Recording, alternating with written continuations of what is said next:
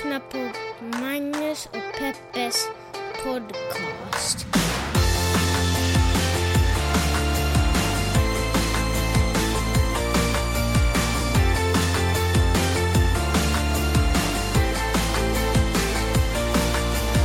Hallå internet, vad är det? Det var jag som eh, satte handen på ditt ben. Ah!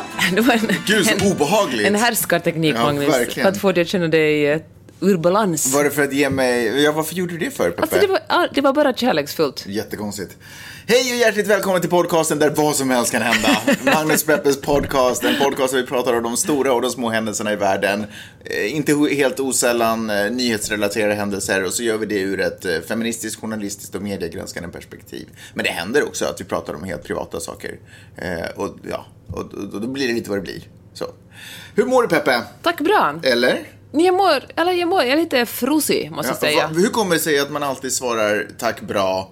Varför är det liksom, eh, det är eh, default-svaret? Men vet du vad, kommer du ihåg när man läste engelska i lågstadiet Ja. och så lärde man sig att how do you do alltid ska svaras med how do you do. Va? Att how do you do ska svaras med how do you do? Ja, att man liksom, Så vadå, typ så här, eh, säg, how do you do? How do you do? Alltså, ja, det är så.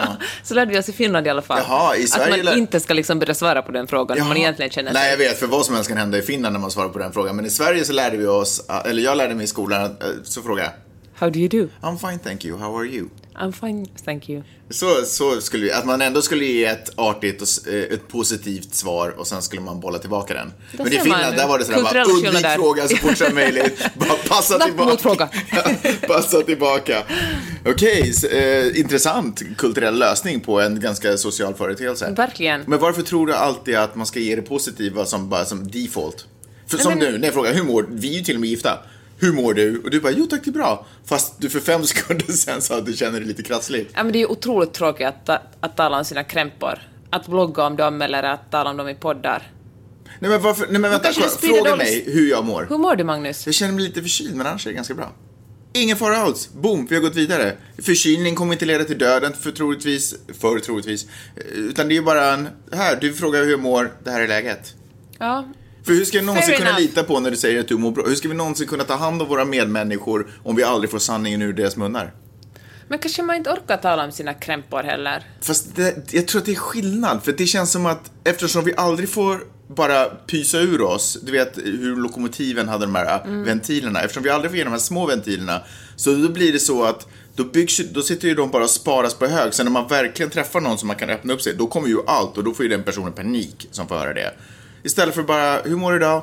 Lite ont i knät, men vet du vad, på det stora hela ganska bra. Okej, ja, jag tänker inte argumentera emot dig. Istället för att bara, hur mår du idag? I bokstavsordning. Eh, A. Min auktoritis är väldigt besvärlig just nu. B. Men kanske det också handlar om att... Bröstinflammation. Jag vill, i- jag, vill inte, jag vill inte verka svag i dina ögon, Magnus.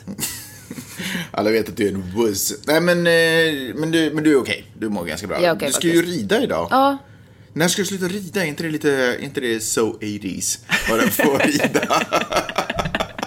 det var stort då också. Men hör du, ridningen har gjort en revival, det vet ju alla. ja.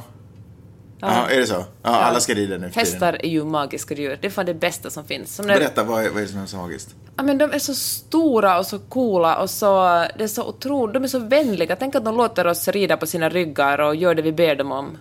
Mm. De är liksom väger tio gånger så mycket som vi och ändå är de så att fine, vi gör väl det här då. Men du har aldrig varit intresserad sån- av att rida ko, typ eller sånt? Nej. Sen kan man göra sån här... Eller gorilla? Du kan rida gorilla. Jag gör det. Men, eh, ja, men det är en så magisk känsla när man sitter där på den där hästryggen. Få, kan jag få avsluta det här nu? Du Ja, frågar faktiskt. Ja, ja. Av den här orsaken kanske man inte vill börja berätta om sig själv för dig. För du kommer på något roligt du själv sagt och sen sitter du och skrattar åt det. men sensitive much. Sån mobbare. I alla fall. Och sen märker man att man är så här telepatisk kommunikation med hästen under sig.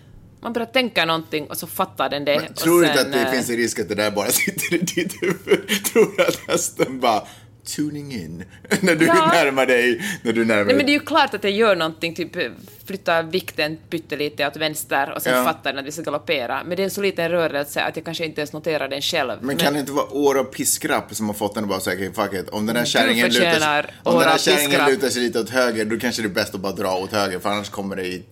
Du sa att det var, jag, så- jag var ju i stallet här nu för några Mm. dagar sedan med dig.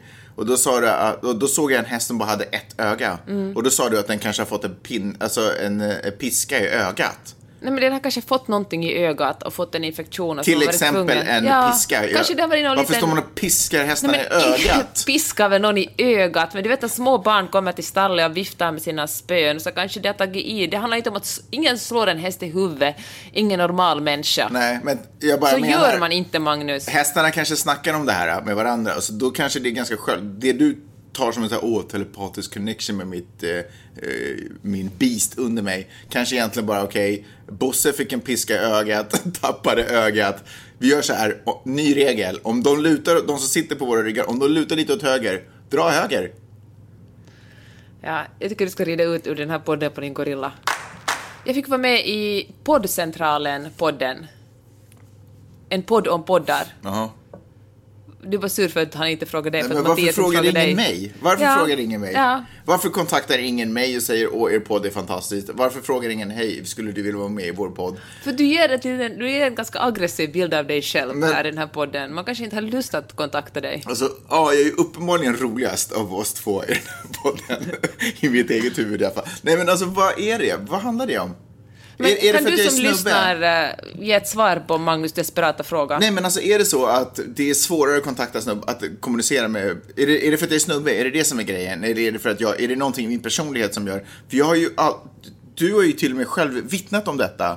Att jag är ju väldigt bra på att inkludera alla och få Mm. alla med, till exempel om det är ett sällskap. Ingen, om jag är på en tillställning som jag dessutom har ordnat och det står någon ensam i hörnet, och vänd inåt hörnet, lite alla Blair Witch och dricker glas så kommer inte den människan göra det länge. Jag är väldigt noga med att vända den personen, ta in den i sällskapet och gruppen och liksom... Men vilken, vad är din egen teori? Varför kontaktar jag folk har mig? ingen aning, jag fattar inte. Jag, jag är ju liksom... Fortsätt med det, jag tycker om när folk kontaktar, kontaktar mig. Alltså, hashtag snällast på jorden. Du är ju faktiskt av oss två den som kan vara lite svår. Som du vet, om någon står och pratar med dig, du börjar tycka att det är lite ointressant, så kommer den personen snart märka att du står och tittar på din telefon egentligen. Nej. Ja, det har Sån hänt. är inte jag. Kanske inte så mycket nu, men kommer du ihåg i början när du hängde med mina kompisar? Eller som egentligen var dina gamla kompisar, men som sen då blev mina kompisar för att det går inte att hänga med dig. Kommer du ihåg, kommer du ihåg att du liksom satt och höll i telefonen och tittade ner i den? Och det var dessutom en gammal telefon, den hade inte alls samma uppkoppling som de har idag, så det var ju liksom mycket trögare upplevelse. Ja, det här tydligen... Ja, är det, förlåt, ja. vi behöver inte snöa in, snöa in oss i det. Eh, du I alla fall, jag var med i en superrolig intervju. Det kändes extra hedrande, för jag, det här var det andra avsnittet och i det första avsnittet intervjuade Mattias Kristoffer Triumf, Mhm. som ju liksom är en poddkung i, eh, i Sverige och världen. Ja, man har en liten podd som heter Värvet. Ja. Så det kändes extra hedrande att få vara med. Han Det var- rekommenderade vår podcast i den. Ja, Bara så att, ja. Ibland tänker han på oss. Ja. Det? det kan man ju tänka är kul. Det är ju otroligt kul. Ja. I alla fall. Och ibland tänker ju vi på honom också, så det är ju på sätt och vis rättvist när man Ja, ser det så. vi är ändå ja. två. Ja, exakt. Så det är ju dubbeltanke. Ja. Ja. I alla fall. Men eh, det var, jag tycker faktiskt nu för tiden har jag inga problem med att höra min egen röst och, jag, och inte ens i var, vare sig det är mellan raderna eller Magnus och Peppes podcast. Men att bli intervjuad tycker jag fortfarande är... När jag hör mig själv prata skäms jag som fan. ja, jag förstår exakt vad du menar. Tänk dig om du också hade uppgift att klippa den podden som du var med i. Alltså det är vidrigt. Ni, eh, du har ju en podd också. Du har ju tusen, en miljon, jag vet inte vad du gör på dagarna annat än att göra poddar. Jag klipper poddar och du pratar i poddar. Så verkar våra liv se ut nu. Du har ju en podd med en tjej som kallas för Maja, Marianne. Mm. Marianne? Marianne?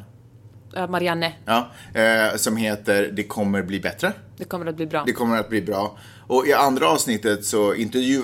Där får jag ju vara med, det är kul. Jag kommer in Ja. på familjepoäng där. Ja. Men, och där, andra Jag avsnittet... vet ju hur gnällig du skulle bli om du inte skulle ha fått vara med i den. stämmer inte. Eh, Men andra avsnittet som snart kommer publiceras tillsammans med det första avsnittet eh, så intervjuas ju jag. Och jag råkar ju också vara den som klipper den podden. Och att sitta och klippa sig själv, det var det jag skulle komma till, Ja. är ju faktiskt eh, vidrigt. Det är vidrigt. För i stunden när jag pratar, då känns det oftast ganska bra. Ja. Men i retroperspektiv, att lyssna på det man har sagt, så är det så här, men herregud, jag är ju en jubelåsna. Exakt så kände jag i poddcentralens intervju. Ja, Då behövde jag inte ens klippa den, jag bara hörde mig själv. Jag tror att man kan överhuvudtaget sluta sig till att den reaktionen man har efter egentligen inte stämmer. för att en gång så gjorde jag en intervju, eller flera gånger i och för sig har jag gjort intervjuer för liksom, no, framförallt radio är det det här handlar om. När jag gjort radiointervjuer eh, där jag har blivit intervjuad. Så då har jag oftast tänkt så här, men gud det där var inte så bra. Men sen när jag lyssnar efter, bara, ah okej, ganska on point. Det var ju helt okej liksom. Men eh, när jag tror att jag är bra, då är jag skitdålig. Jättekonstigt det där. Man borde ju tycka att efter massa år så borde man ju ha fått koll på om man är bra eller inte. Och vad som är bra och vad som inte är bra. Men jag har tydligen ingen koll alls. Jag vill nu säga om den här poddcentralens podd att Mattias som intervjuade mig var alltså superbra. Jag, ingen skugga ska falla över Vem är honom. den där Mattias? Var dyker han upp ifrån? Nej, men han är en person som lyssnar på jättemånga poddar och skriver om dem, så om man behöver tob, podd, tob, poddtips ska man följa poddcentralen på Instagram. Och, Mhm. ja. Coolt. Var det allt? Det var allt jag ville säga. Vad pratade ni om? Nej, men vi pratade om eh, hur det är att... Först skulle jag berätta om min dag och det var kanske där som det kändes sådär... Uh, för då bara... Då sa jag så här... Ja, vi åkte, vi åkte in till The Valley och träffade en advokat och sen åkte jag och rida och sen åkte vi åt Lobster tacos och det lät på något sätt jätteskrytigt. Ja, men det är ju det här jag inte fattar och ändå är det dig folk kontaktar. Fast det är uppenbarligen är superoskön och bara håller på och stylar och skryter om vem det är. Ja, det, den här världen, det finns ingen, det är ingen logik i den. Nu när vi ändå bara har en massa flams och tramsämnen. Eh, jag hoppas att du har någon mer substans Ja, men jag har det sen, men, vi kan, ju- men du säger alltid att man inte får sluta med någonting som är tungt. Nej, inte, inte superdeppigt. Nej, Om det inte eh, handlar om Avicii, för då tycker jag man kan runda av med det den här gången. ja okej. Ska vi göra det då? Mm. Okej. Eh, men det, det jag tänkte ta upp är nämligen en, eh, ett ilandsproblem utan dess like. Jag kanske hittat topp ett ilandsproblem i världen. Och det handlar ju om eh, min relation till Instagram och mina vänner på Instagram. Eh, som du och som ni alla säkert känner till så är jag ju en all-liker. Jag likar ju allt, för jag, jag förstår fortfarande inte poängen med social, alltså att jag har kont- kontakter på sociala medier som inte jag ger uppmärksamhet till. Då fattar jag inte ens varför jag har kontakter på sociala medier. Så om jag ser en bild på Insta som någon har tagit, givet att jag kanske inte ser alla bilder, speciellt inte nu för tiden. Men om jag ser en bild på Insta som någon av mina vänner har tagit så kommer jag ju givetvis lajka den. Eh, För den människan har ju lagt ner lite tid och försökt, du vet. Och, och man tar ju bilder och sätter upp dem på Insta för att få likes. Så då fattar inte jag varför jag ska vara kompisen som inte ger det. Och extra deppigt när jag ser så här kompisar som kanske har fått sex likes på en bild. Man bara, men vilka är de andra 120 som följer den här människan? Varför, vad, vad fan, kan man inte ta ett litet ögonblick av sitt liv och dubbelklicka på en bild? Istället för att dubbelklicka så bara rullar man vidare. Ja. Är inte det konstigt? Det är iskallt. Gott och väl. Eh, jag är som sagt då alltså en all-liker. Men nu har det börjat bli så att nu har jag börjat... Jag har ganska många, eller jag börjar få ganska många vänner på Instagram. Och eh, vissa av dem eh, livnär ju sig till viss del på att posta bilder på Instagram. De är så kallade influencers. Eh, men även fast de inte skulle vara det så har jag nu stött på problemet att då när jag scrollar fram och så ser jag en bild på en kompis, oftast en tjejkompis, som är halvnaken, alltså klädd i bikini. Då, då hur, så det blir... Jag, Känner du, får jag säga, för det första sitter du här i bar överkropp. ja, men alltså, inte publicerat på Insta. Inte publicerat på Insta på något sätt. Men alltså, känner du dig som en, som en skäggig gammal snuskgubbe Ja, men det ifall du likar så. bilden? Nej, men bara, att jag, att, bara det att jag ser den blir lite så. Och sen så sker ju alltid det där, för du vet, annars jag ser en bild... Tittar du lite så här förbi skärmen när det kommer en sån? Nej, det gör, eller, men så här, kolla, vanligt fall man scrollar bara, ah, bild, någon tagit bild på sol, solnedgång, jag är på Mallorca, like. Eh, och här är jag och min eh, kaffe, like. Eh, här är jag och min hund och mina barn, like. Du vet, allt, inga problem. Och sen så kommer jag till den här, och här står jag i min eh, nya sexiga bikini, vad tycker ni om den? Man bara, ah. Och då blir det också så att då stannar jag ju förstås alltid lite upp, för annars är det ett litet flöde för mig, att det är lite löpande band. Men då så blir jag också lite att stanna upp. Och så finner jag mig också själv att stå liksom och titta på den här bilden på något sätt för att resonera om vad ska jag göra nu. Om Och då jag, tänker algoritmen, jaha, han stannar upp här, Ja. han vill ha mer sånt i den, här, den här bilden gillar han. Jaha, och sen så börjar jag få massa skumma spams och reklam. Nej, men det, det får jag inte. Men, men, men så, så stannar jag upp i den här och så finner jag mig själv stå och titta på min väns nakna kropp ganska långt. Hade, hade, alltså hade det här varit 50-talet så då hade det ju varit en naken kropp. Då hade det varit porr. Ja, men då hade jag, själv, precis, jag kan inte tänka mig något annat. Och så står jag och tittar på den här lite för länge och vet inte om jag ska dubbel-like, eller om jag ska lajka den här eller inte. Och då undrar jag, är det okej att lajka sin halvnakna kompis? Som uppenbarligen visar sig halvnaken för att få likes. Men hur ser det ut, men vad har man för kompisrelation om en kompis är plötsligt, ponera det här scenariot. Eh, Du är på, eh, det är sommar och sol. Du är på stranden, du försöker hitta en plats att lägga ner din handduk. Och så promenerar du och så helt plötsligt så bara, "Nej, men där ligger ju din eh, kompis. Som dessutom råkar vara storbystad kanske. Eh, Nu är du en man, eh, tänker jag. Jaha. Och så går du förbi och så är du så här, åh vad fin du är. Och sen så, Nej, det ska, för det det, ska är, man inte det, är vad göra. det är ju vad det betyder om jag, tycker, om, jag, om jag ger ett hjärta där. Åh, vad fin. I och för sig, åh, vad fin bild. Men om det inte är en sån konstnärlig bild, utan det är bara... Fast den där bilden ställer ju en tyst fråga, är jag fin? Ja. Och, och, och det är inte riktigt för mig att svara på på det sättet. Mm. Förstår vad jag menar? Har, har jag lyckats bygga min rumpa tillräckligt bra? Har jag lyckats skriva- svarva min kropp? Kan du istället kan du inte ge henne en, en kommentar där du skriver “Jag älskar din intelligens”. Exakt. Det är inget fel på hennes intelligens. Det är inget fel på hennes intelligens, men det nej. blir ju en konstig diss. Och det har jag också tänkt att sådär, kanske jag ska bara kommentera. Mm. Men det är konstigt att kommentera och inte också ge en like. Du tror inte att du problematiserar det här lite för mycket nu? Ja, i det här fallet, för att den här personen råkar ha liksom miljarder följare och kommer kanske inte ens notera min like.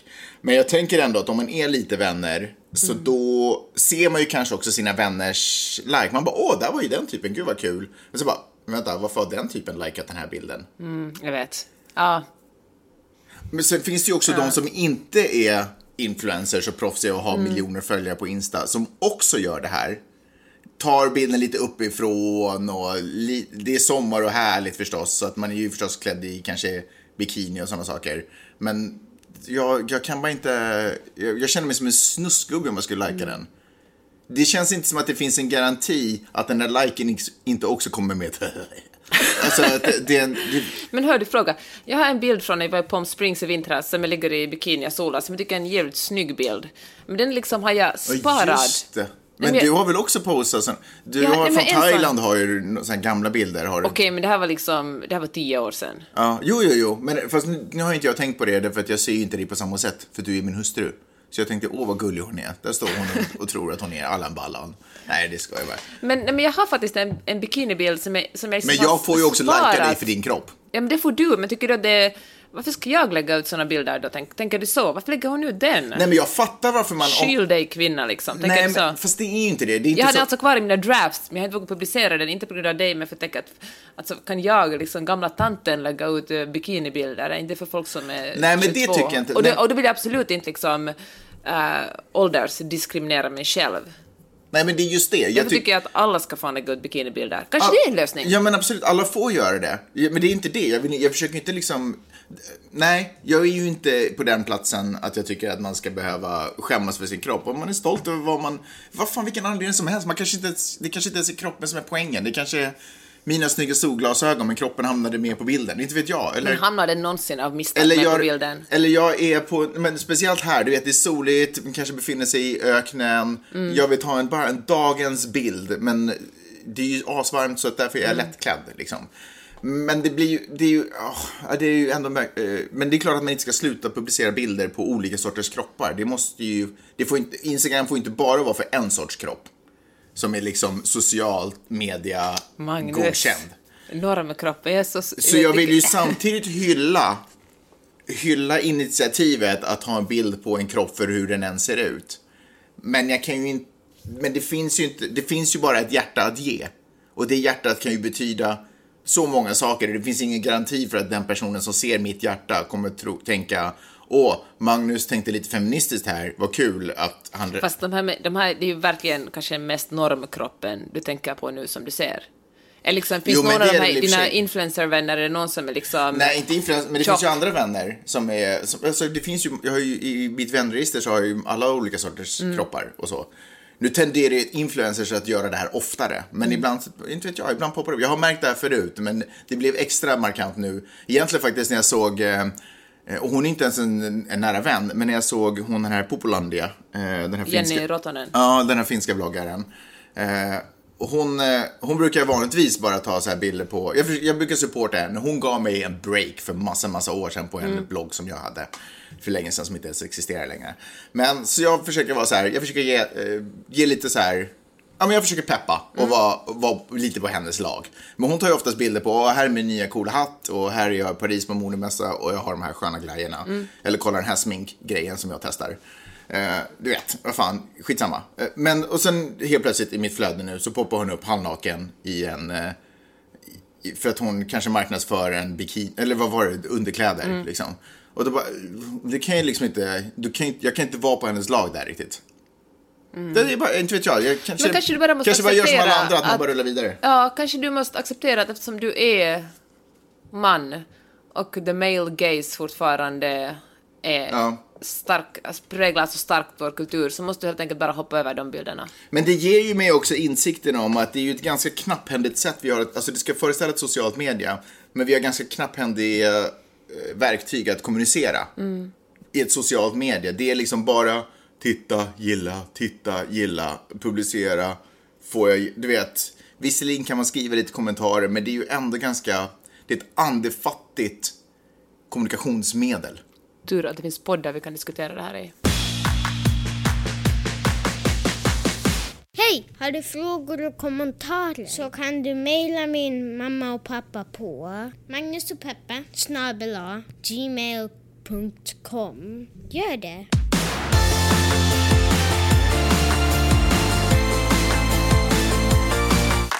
Gå in och gör det, magnuspeppesnabbelagmail.com. Det finns en risk att jag också kommer kunna läsa det mejlet, så att om ni känner er otrygga att kommunicera med mig eh, så kanske ni bara tar kontakt med Peppe på någon, via hennes blogg till exempel. Förresten, när ni ändå är inne på hennes blogg så finns det ju eh, på janetteohman.com och ni är inne på er laptop till exempel så finns det ju en Paypal-symbol där eh, i högerbalken och den ska man ju klicka på om man lyssnar på det här avsnittet och det kostar, det kommer generera en automatisk avdragning av 2,80 cent Euro. i månaden. Alltså en cirkus 25 kronor för vilken ni får mellan 4 och 8 avsnitt. Lately närmare 4, men åtminstone 4 avsnitt, vilket är ju ganska basic i poddvärlden. Men ända upp till åtta avsnitt i, i, i månaden eh, för den ringa summan. Är det så att ni håller på att lyssna på er telefon, vilket 90% av er gör om jag tittar i statistiken på vår podd, så då ska ni gå in på janetteohman.com på er Safari-app eller Google-app och sen så scrollar ni långt, långt, långt, långt, långt, långt, långt, långt, långt, långt ner och där hittar ni Paypal-symbol och så är det samma mekanismer där. Eh, eller samma grejer ni behöver göra för att göra rätt för er. Välkomna och tack ska jag väl också säga till alla ni som gör det. Dagligen eh, plingar det till i min telefon med eh, folk som har eh, betalat och nya prenumeranter. Det är så otroligt roligt, så otroligt tacksam och glad för att ni faktiskt gör det som är framtiden, nämligen att vi betalar för innehåll. Såg en sjukt intressant dokumentär om, som handlade om den här skvallersajten Gawker. Eh, nu, håller jag på att glida över till ett helt annat ämne, för det handlar egentligen om poängen, varför journalistik är så viktigt. Men journalistik kan bara, och jag tror att det här är kopplingen, journalistik kan bara existera om vi också är redo att betala för den. För att det är ingen gratis tjänst som på något sätt kommer med vår födslorätt. Kommer du ihåg vad den hette och var den fanns den dokumentären? Den dokumentären såg jag på Netflix med amerikanskt konto, så jag hoppas att den finns någon annanstans också för er att titta. Men försök jaga fram den, för den, är, den var faktiskt... Kommer du ihåg vad den hette? Gawker. Jag vet inte. Okej. Någonting sånt. Hej, hej! Nu har jag tagit reda på vad den heter. Den heter Nobody Speak Trials of the Free Press. Handlar kort om eh, hur biljonärer kan påverka demokratiska processer genom att till exempel sänka eller höja journalistiska texter och till och med journalistiska företag i det här fallet. Eh, gå in och kolla på den. Tack ska ni ha. Hör du, eh, jag berördes jättemycket av den där Avicii-dokumentären True Stories. Jag, vet Jag- att du jag har inte sett den. Nej, jag vet att du inte ville se den. Jag tror inte nu... jag kommer göra det faktiskt. Nej, varför inte? Eh, Jag känner inte att jag... Jag, jag, behöver, alltså jag behöver inte det i mitt liv just nu. Ja, otroligt uh, sorglig. Och eh, jag vill liksom inte vara ytterligare en av, eh, fan alla människor i mina sociala medier som analyserar den. Varför inte? Nej, men jag tänker, vad kan jag tillföra? Men, Nej, men eller- så, du, ja. du, du, för, vad får vi podden överhuvudtaget? Okej, så här tänker jag då. Att eh, när man ser en sån dokumentär måste man ju komma ihåg att det är en dokumentär, det är någon som har suttit och klippt ner eh, oändligt många timmar till ganska få timmar, så man får inte dra för långa slutsatser. Kan jag få förtydliga det där lite? För vad det handlar om när man gör en dokumentär, eller överhuvudtaget när man gör något journalistiskt verk, så handlar det om att man vill ju berätta sin man vill ju berätta den historia man har funnit, så att säga. Det betyder inte att det är den enda historien som finns där ute. Det finns säkert massvis med sidor till när det kommer till Avicii eller när det kommer till hans manager eller världen han befinner sig i. Men det här var, just den här historien var ju någonting som den här regissören eller vad det nu var som fastnade för. Och det är klart att då tar man ju bort man tar inte nödvändigtvis bort saker som strider tvärt emot historien, för då har man ju inte funnit en riktig historia om det på något sätt finns motsägelser till den. Man får ju liksom inte välja och vraka så i sanningen. Men om man har funnit en, man har funnit en sanning så att säga, så då, då måste man ju sålla bort det andra så att den blir tydlig. Först tänkte jag skratta och håna dig för du mansplainar vad en dokumentär är, men det är faktiskt sant det som du säger. Jaha. Ja, nu, det, det slutar med en bra sak, det var sant, men precis så är det. Och den här dokumentären reagerar jag som många andra kronikörer på att eh, bristen på kvinnor i den. Du vet när man en gång blir feminist och börjar räkna Bakom kameran eller framför kameran? framför kameran och bakom också för den delen. Men eh, då börjar man räkna så här att hur många kvinnor finns det på sportsidorna, hur många kvinnor finns det i den här panelen, hur många kvinnor pratar i den här TV-serien och så blir man ledsen 99 gånger av 10, 99 gånger av 10 om man inte kan räkna. För att man märker att eh, det är väldigt få kvinnor med. Och eh, nu kan det ju vara att det kryllar av kvinnor i, i Aviciis liv, de bara inte kom med i dokumentären, men på något sätt eh, tror jag att det inte var så. Och kvinnor är ingen, eh, ingen liksom automatisk lösning till välmående. Men, eh, och han hade säkert, jag vill liksom inte heller dra, dra hans vänner, liksom, de sörjer ju såklart sin bortgångne vän. Men det finns, jag tror faktiskt att det finns ett problem som är värt att lyftas upp som, och det är att äh, män har svårare att äh, att kanske tala om känslor eller ta in att någon annan mår dåligt. Eller de har liksom inte riktigt generellt verktygen att ta hand om en vän som mår riktigt dåligt. Men är det här ett manligt problem eller är det här eh, ett kapitalistiskt problem? Um, men alltså jag tror att, att alltså musikbranschen har ju ett problem med att det är så många människor som vill tjäna pengar. Eller världen, alltså fan, vad- världen har ett problem med att alla vill tjäna pengar, gärna på varandra. Och jag tror att det var ett... ett Gärna på andra snarare. Ja, men, eh, precis. Och, eh, och när man en gång vänjer sig vid det goda livet, att få åka privatplan, är det kanske svårt att ens leka med tanken att gå tillbaka till ekonomiklass. Och jag tycker det blir ganska tydligt också i den här dokumentären. Där sitter till exempel eh, Aviciis manager och säger att, att Avicii fattar bara inte värdet av pengar. Och han fattar inte att det är så många andra som är beroende av honom. Och eh, medan han sitter, han, han, han, han kunde ju verkligen tala om sina känslor. Han sitter ju och säger hela tiden, Avicii, Ja. han säger, han är ju väldigt öppen, han säger att jag mår jättedåligt, jag har, jag har sån ångest, jag vill inte göra det här, jag kommer dö om jag fortsätter göra det här, jag vill verkligen inte, säger han gång på gång på gång. Och eh, det som vi får se i dokumentären hos vänner så alltså, får han en klapp på axeln eller så det kan ju vara att de sitter och pratar jättedjupa saker utanför, men det, det får man inte se någonting av. Och det verkar ju verkligen som om han, han verkar så desperat mot slutet, som om ingen skulle lyssna på honom. Och jag tänker att det är inte, man kan liksom, behöver liksom inte anklaga någon för en människas eh, död, men jag tänker att det är kanske är någonting som man kan fundera på i alla fall, att hur tar vi hand om, eller hur lyssnar vi på våra vänner, och hur tar vi hand om de som mår dåligt. Mm. Tänker också på hur den här managern... Men, men varför gör du, du pratade om manlighet, jag såg aldrig riktigt om kopplingen. Ja, till- men alltså jag tror att, äh, att mansrollen helt enkelt är sån att det, det är lite skamligt att vara svag. Det är lite skamligt och, och när någon är svag så vet man inte riktigt hur man ska hantera det. Men du berättade ju samtidigt att han var väldigt öppen med det. Han var det, men hans vänner kunde inte ta till det. Hans vänner, som vi kunde se, jag måste obsäga, som vi, vad vi såg i dokumentären, så visste de inte riktigt hur de skulle hantera det. Den enda som verkligen frågade honom att hur mår du, hur känner du dig, var hans eh, personal trainer när han lyfte tyngd där. Ingen, ingen ställde någon sån fråga annars i, i vad vi såg, vi som såg dokumentären. Och, eh, och jag tänker att det är... Men du tror inte att det är ett kapitalist som, då tar jag det igen då. Mm. Du tror inte att det är ett kapitalistiskt problem därför att man vill inte ha svaret på frågan som man inte... Eller förstår jag menar? Man jag vill inte verkligen, ha... man vill inte ställa frågan Nej, för att det här är, handlar om att tjäna pengar nu. För då, om man, får, man ställer frågan, får det svar man inte vill ha, så då måste man kanske sluta Ja, tjäna precis. pengar. Exakt. Nej, jag tror verkligen att du har rätt att, äh, vi, alltså, vi var ju på en fest för några, eller på en middag för några veckor sedan, där vi talade med en, en jättestor producent här i LA. Och, och han talade om en helt annan artist som han sa att hon, hon har bara varit omgivning av människor som har tjänat all sin förmögenhet på henne. Mm. Ända sedan hon var riktigt, riktigt ung. Hon mår otroligt dåligt. Hon är liksom, hon är ingen frisk person, men hon kommer aldrig, men liksom, hon kommer aldrig ur deras grepp eftersom hon drar in för mycket pengar åt dem. Mm. Och jag tror att det är, ja, det är liksom, jag tänker att den här, jag tänkte säga så att den här stan är säkert, är folk säkert extra utsatta för det, men tydligen räcker det med att komma från Sverige för att ha riktigt giriga människor omkring sig. Men återigen då, känner du att det här är ett, eh, med, känner du att det här är ett manligt problem eller ett kapitalistiskt? Men alltså, eller kanske det, båda i och för sig. Alltså jag tänker att det kan vara det, ja. det ena utesluter inte nödvändigtvis det andra. Sen kan jag tänka mig att det kanske också är utan nu, nu generaliserar jag, jag fattar ju det, men att det kanske också är liksom en, hör till mansrollen, att man ska vara framgångsrik och tjäna mycket pengar och kunna liksom mm. ha jättestora statussymboler som visar att man är en lyckad människa. Mm. Att det finns på något sätt mera utrymme i kvinnorollen, att det är inte är så farligt om man inte är superframgångsrik. Mm. Utan liksom om man har inte på samma, jag tror att män på något sätt har mer att bevisa för att eh, det är viktigare att vara utåt sett lyckad. Sen vill jag absolut inte spekulera i om det var ett självmord eller vad han liksom, på vilket sätt han dog.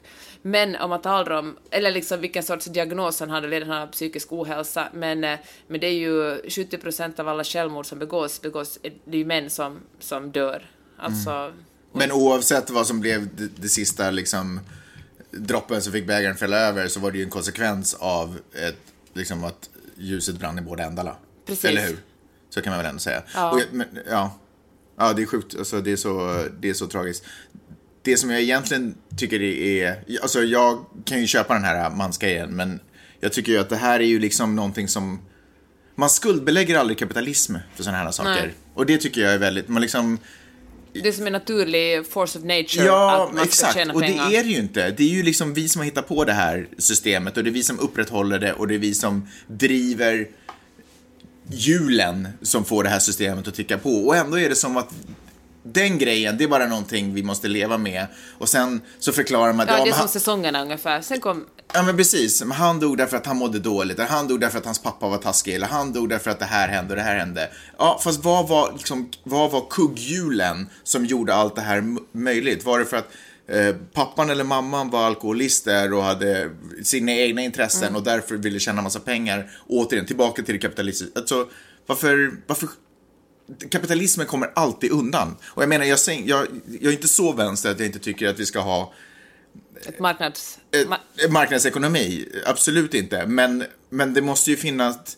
Den kan ju inte, den kan inte tillåtas förstöra och förgöra människors liv. Det är lite sådär som vi pratade om eh, eh, för några veckor sedan. Just det här med hur, det här, hur de här pengarna och det här kapitalistiska systemet eh, egentligen ganska, i, vissa fall och ganska långt representerar tid som du spenderar och ger mm. till andra människor.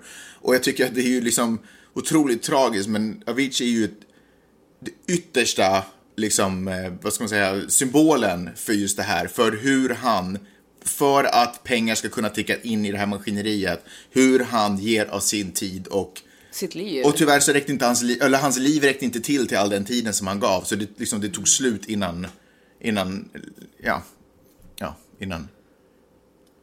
Ja, innan. Gud vad tragiskt. Men intressant är som du säger att vi tar liksom kapitalismen som ja. en självklarhet. För det var ju, jag läste en kurs på USC, nu är det ju många år sedan, men det handlar verkligen om hur USA profilerar sig i uh, kapitalismen var ingen självklarhet alltid här heller. Men, det är det är också nej. det vi pratar om nu, som att vi höll på med det redan vid, vid stenåldern, men det är inte, alltså, nej. det är nytt. Men det var ju ett sätt att, att, att, att liksom profilera sig gentemot Sovjetunionen. Precis. Precis, att vi är motsatsen, vi, har det, vi gör det rätta, det goda, ja. kapitalismen, det kommer, kapitalismen gör alla lyckliga och gör, ger, liksom, ger alla någonting, ger alla liksom mat på bordet och mm. ger alla möjligheter i motsats mm. till kommunismen.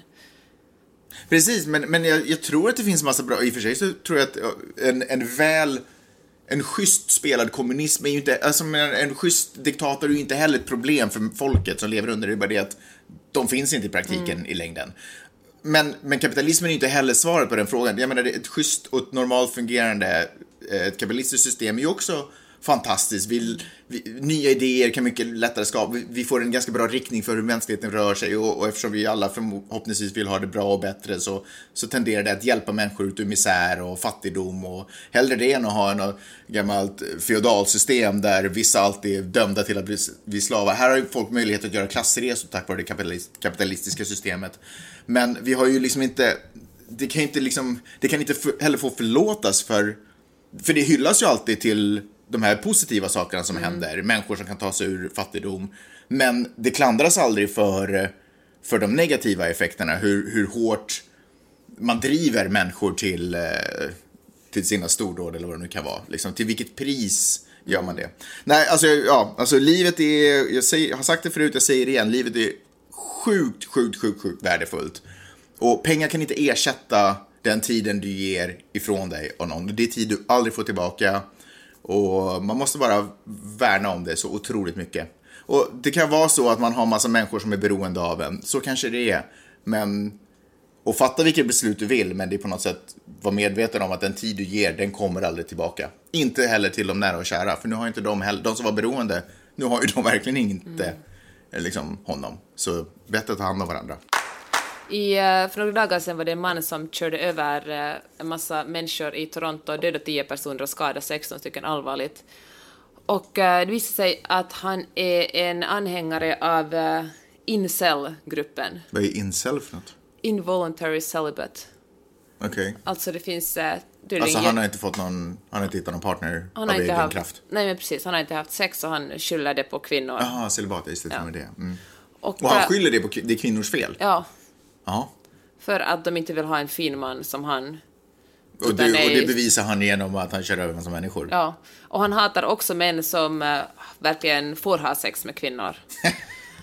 och uh, hyllar... Så, herregud, så tragiskt. Men det finns, jag kommer ihåg för 2014 var det en 22-årig snubbe som heter Elliot Roger som eh, sköt sex stycken kvinnor utanför ett universitet mm. jag tror det var ungefär Santa Barbara någonstans. Mm. Och uh, den här personen, den här uh, Alec min, vad heter han, Minassian, Minassian, mm. Mina, fan vad dålig jag är på att uttala namn. I alla fall. Mm. Han kallar den här, eh, den här eh, Elliot Roger som den ultimata gentlemannen och liksom såg upp till honom. Och han, han, hade, han, hade samma, han hörde samma incel-grupp, alltså han mm. hatar också kvinnor som har sex med män och män som får ha sex med kvinnor. Och uh, ja, och vad ska man säga, det här är ju en grupp för psykiskt störda. Det var ju liksom... Men är det, här, det här räknas inte som terrorism, men är det en form av terrorism? Det är uppenbarligen ja, men om det är en organiserad som... grupp och det har redan kommit ut två massmördare från den gruppen, så det måste väl fasiken klassas som en Visst terroristgrupp. är det? Är liksom terrorism bara något som man kan koppla till religion? Det är ju, det är ju jättekonstigt att men, det alltså, Den är ju kopplad en... till en filosofisk föreställelse om att alla män har rätt till sex. Precis. Så det är ja, väl... men exakt, med kvinnor. Ja, eller ja, till exempel. Men, men eh, så det är klart att det måste uppfattas som en terroristorganisation. Ja, men det tycker jag också. Därför tycker jag det är så otroligt konstigt att det inte klassas som terrorism. Har, har du några teorier kring det? Men, men varför, varför, Eller varför vi gärna säger att det är uppenbarligen en människa som inte mår bra i sig själv. Men är det liksom, eh, är det en psykisk sjukdom? Ja, är Eller någon, är, det en, är, är, det liksom en, en sjuk kultur? Ja men, jag, ja, men det är precis, det är väl mer det. Jag, jag, är inte psykolog eller psykiatriker, så jag kan inte avgöra om det. Men, men däremot så, det, det är ju en, den är ju baserad på en felaktig föreställelse. Alltså den, man har ju en felaktig uppfattning om... Världen, en, världs, en felaktig sam, världsbild. Samhället, liksom den miljön han lever i. Men bara uppfattningen att kvinnors skyldighet är att ha sex med män. Ja. Ja, ja men precis, vad kan man säga? Ja.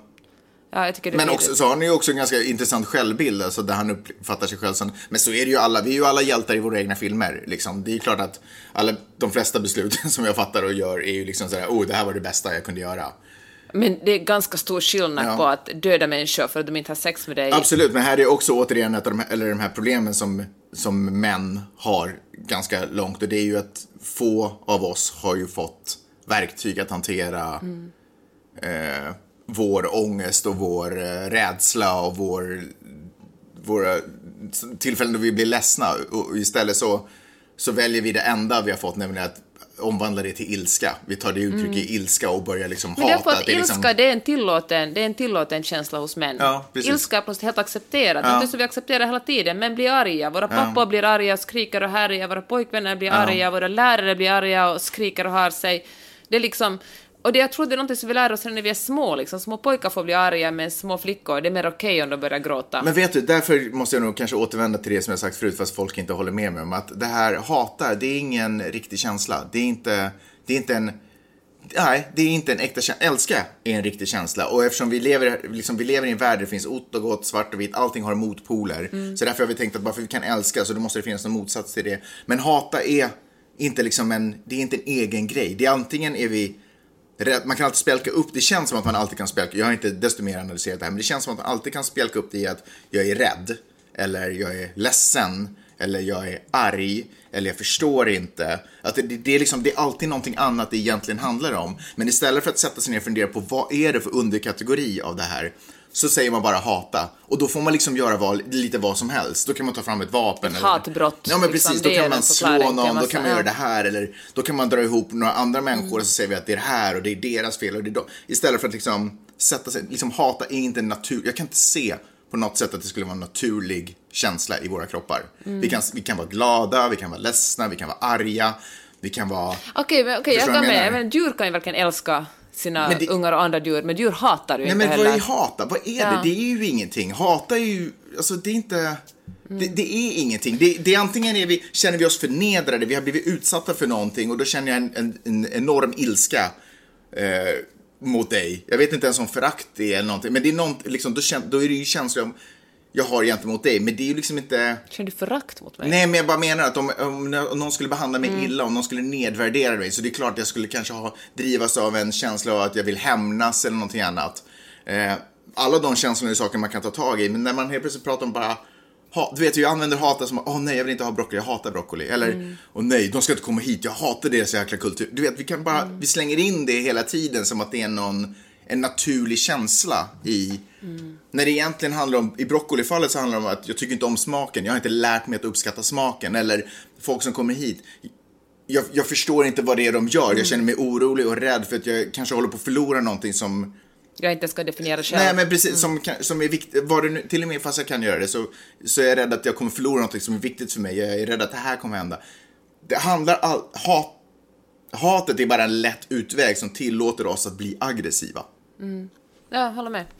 Hör du, idag föll domen mot eh, Peter Madsen också. Mm. Den här vidriga mördaren som, eh, mm. på ubåten. Och uh, som tog livet av Kim Wall. Jag tycker att mm, hennes ja, namn ska få nämnas också. Mm. Och, uh, och då tänkte jag så här, jag vill liksom inte ens... Det som han, det visade sig vara att han hade planerat hela mordet och så vidare. Men det är otroligt vidrigt. Det är så vidrigt att jag liksom inte, jag inte ens vill liksom nudda vid det vid tanken. Nu måste jag säga att, att en feminism är inte så där, det är inte som två lag, det är kvinnolaget och manslaget, nu ska vi tävla i vem som är bättre. Men det, är ju, det, det måste ju finnas någonting fel i mansrollen, för att kvinnor begår inte sådana brott. Ytterst sällan. Alltså det finns kvinnor som tar livet av andra människor, det finns kvinnor som säkert har kört in i, i kört på människor, men det finns liksom inte i samma magnitud. Alltså, det är så många män som begår så vidriga våldsamma brott, liksom planerade, oplanerade, men det, alltså, jag tänker att skulle man komma från en, en annan planet och hälsa på jorden, skulle man ju och vara så att vad, vad sysslar ni med? Jaha, ni har sådana typer och ni har liksom den här, den, den här eh, sortens människor gör allt det här och den här sortens människor, nej, inte så mycket. Skulle de ju liksom säga vad är det för fel på er? Vad är det fel på den här var, var gick det fel i utvecklingen eftersom, eftersom ni har ihjäl så många och liksom gör så många människor så illa? Mm. Det... Jag hör vad du säger. Kan jag ändå bara få flika in? Inte alla män. Nej, men att de flesta människor, att världen blir fortfarande en bättre plats. Eh, ja, ja, Hans Roslund. Nej, men jag bara men menar jag, att jag, jag tror att det är viktigt det. att komma ihåg. För när man, om, om folk skulle komma ner och titta på den här planeten skulle de ju nog kanske ändå se ganska mycket positivt också. Absolut. Vi, vår art definieras inte av eh, liksom, men men jag tror att vi blir bättre för att vi talar om de här frågorna, sätter mm. ljus på dem, försöker förstå varför är det så här, vad kan vi göra annorlunda? Ja, förstås, vad kan vi, hur, på vilket sätt kan vi prata med våra söner så att de förstår att det är okej okay att gråta, men det är inte okej okay att göra andra människor illa? Hur kan, vi liksom, hur kan vi lära oss att fånga upp människor som uppenbarligen mår dåligt och känner, känner att de falmar i någon slags mörker? Hur kan vi liksom leda ut dem i ljuset igen? Mm. Och om vi bara liksom, för att ingen framsteg sker ju inte av sig själv, utan det sker genom att vi försöker komma på lösningar för att göra det liv, världen lite bättre. Ja, nej, det, det stämmer. Så sant som du har sagt, Peppe. Ja, Ja, får jag åka till stallet nu då? nu får du åka till stallet. Det slutade lite på den allvarliga tonen. Ja, du brukar ju alltid säga att poddar ska man alltid sluta så här glatt och... Men vet du, det där, jag vet, jag sa ju det precis innan vi skulle börja den här podden också, men det där kommer ju från eh, eh, nyhets, eh, du vet när man sätter upp nyhetssändningar. Så då, folk vill liksom inte, det är som att människ människor är inte kapabla, eller man vill... Då måste man sluta med Groundhog Day och titta på en lite man, rolig som... Man vill, det har till och med ett ord, nu kommer jag inte ihåg vad det heter, men man vill hjälpa människor. Loppukävennyss heter det på finska. Mm. Säg det. Happy ending. Man vill, heter det på engelska, man vill, man vill liksom ge människor en möjlighet att, ja, fast jag, jag börjar känna att det är lite en ursäkt. Alltså man behöver inte, man kan kräva mer av folk. Det här är en rapport om några saker som har hänt på jorden. Det har hänt massor med andra saker på jorden också. Både bättre och kanske ännu värre och så. Saker som vi kanske aldrig får reda på. Men, men världen måste man liksom upptäcka själv. Och man kan ta olika pusselbitar för olika platser. Vi kan liksom inte... Ja. Så, Nej, så här är det. Ja. Så här, det här är några saker som är bra att veta, tänker vi, för vi har gjort det urvalet. Och då behöver man liksom inte bortförklara allting som vi har pratat om, viktiga saker med att köra en liten, och nu ska vi titta på en hundvalp som dansar shottis, du vet. Så du, ta det för vad det är. Du klipper ju alla Sveriges poddar nu ungefär. och, eh, och jag tänker att eftersom du jobbar med poddar tänkte jag att du skulle få göra en föreläsningsserie om hur man gör en bra podd, både tekniskt och innehållsmässigt. Och nu frågar jag er, kära tiden, jag lyssnare, är det någon som skulle vara intresserad av en sån här föreläsningsserie? En klicka in. föreläsningsserie, berätta mer, vadå? Ja, men du skulle liksom helt enkelt berätta så här, du skulle, vi skulle filma in det, jag skulle berätta, det här kräver du rent tekniskt för en podd, så här gör Mm. du ljudet, så här laddar du på iTunes, det här är bra innehåll, det här funkar, det här funkar inte, tänk på det här, det är inte radio du gör, skillnaden mellan en podcast och ett radioprogram. Jag menar, det här är ditt jobb. Jag tänker att du skulle kunna Det är ju inte frågor jag får helt osällan. Nej. De, den typen av frågor får jag nog faktiskt. För oftast, eh, när folk verkligen vill ha en podd i och för sig. Men ja. Vad frågar de dig oftast? Nej, men de frågar hur, ja men liksom hur gör man? Det, det finns ju sällan, eller det finns ju ofta noll kunskap. Hur, hur får man upp det på iTunes? Det är ju till exempel en vanlig fråga. Eller vilken mikrofon ska jag använda? Eller, ja men precis. Eh, Vad ska jag tänka på när jag spelar in ljudet? ja, exakt. Hur ställer man in och du vet. Så om någon av er skulle vara intresserade av att höra något sånt här, så hör av er så du vet ju om det lönar sig att göra en liten sån här Mm. eh, eh, tutorial. Sen märker jag också, förlåt nu fastnade jag lite i den tanken, för det är faktiskt ganska intressant, det skulle vara kul att göra. Men sen märker jag också att folk också fastnar lite i, man bara tänker, ja men jag bara sätter mig ner och pratar. Eh, utan att fundera desto mer på vem man pratar till. Eh, för om man vet vem man pratar till så kan man också justera lite sin ton. Eh, Om man pratar till exempel med dig så kan jag ha en liten jargong, men om jag pratar med ett barn kan man måste ha en annan jargong. Eh, du vet, någon tuffare människa än om möjligt. Sen annan, du vet, förstår du vad jag menar? Så sen ja men det är absolut intressant. Ja men hör av er till Peppe då givetvis, eh, ingen tvekan om det. Jeanetteokman.com, där kan ni skriva in på bloggen. Vi har också en Facebook-sida, Magnus Peppes podcast. Yes. Eh, Bra, du sa rätt. Så där hittar ni oss. Fasken, eh, tack Peppe. Tack Magnus. Vi hörs. Tack ni som har lyssnat. Hej då! Hej då!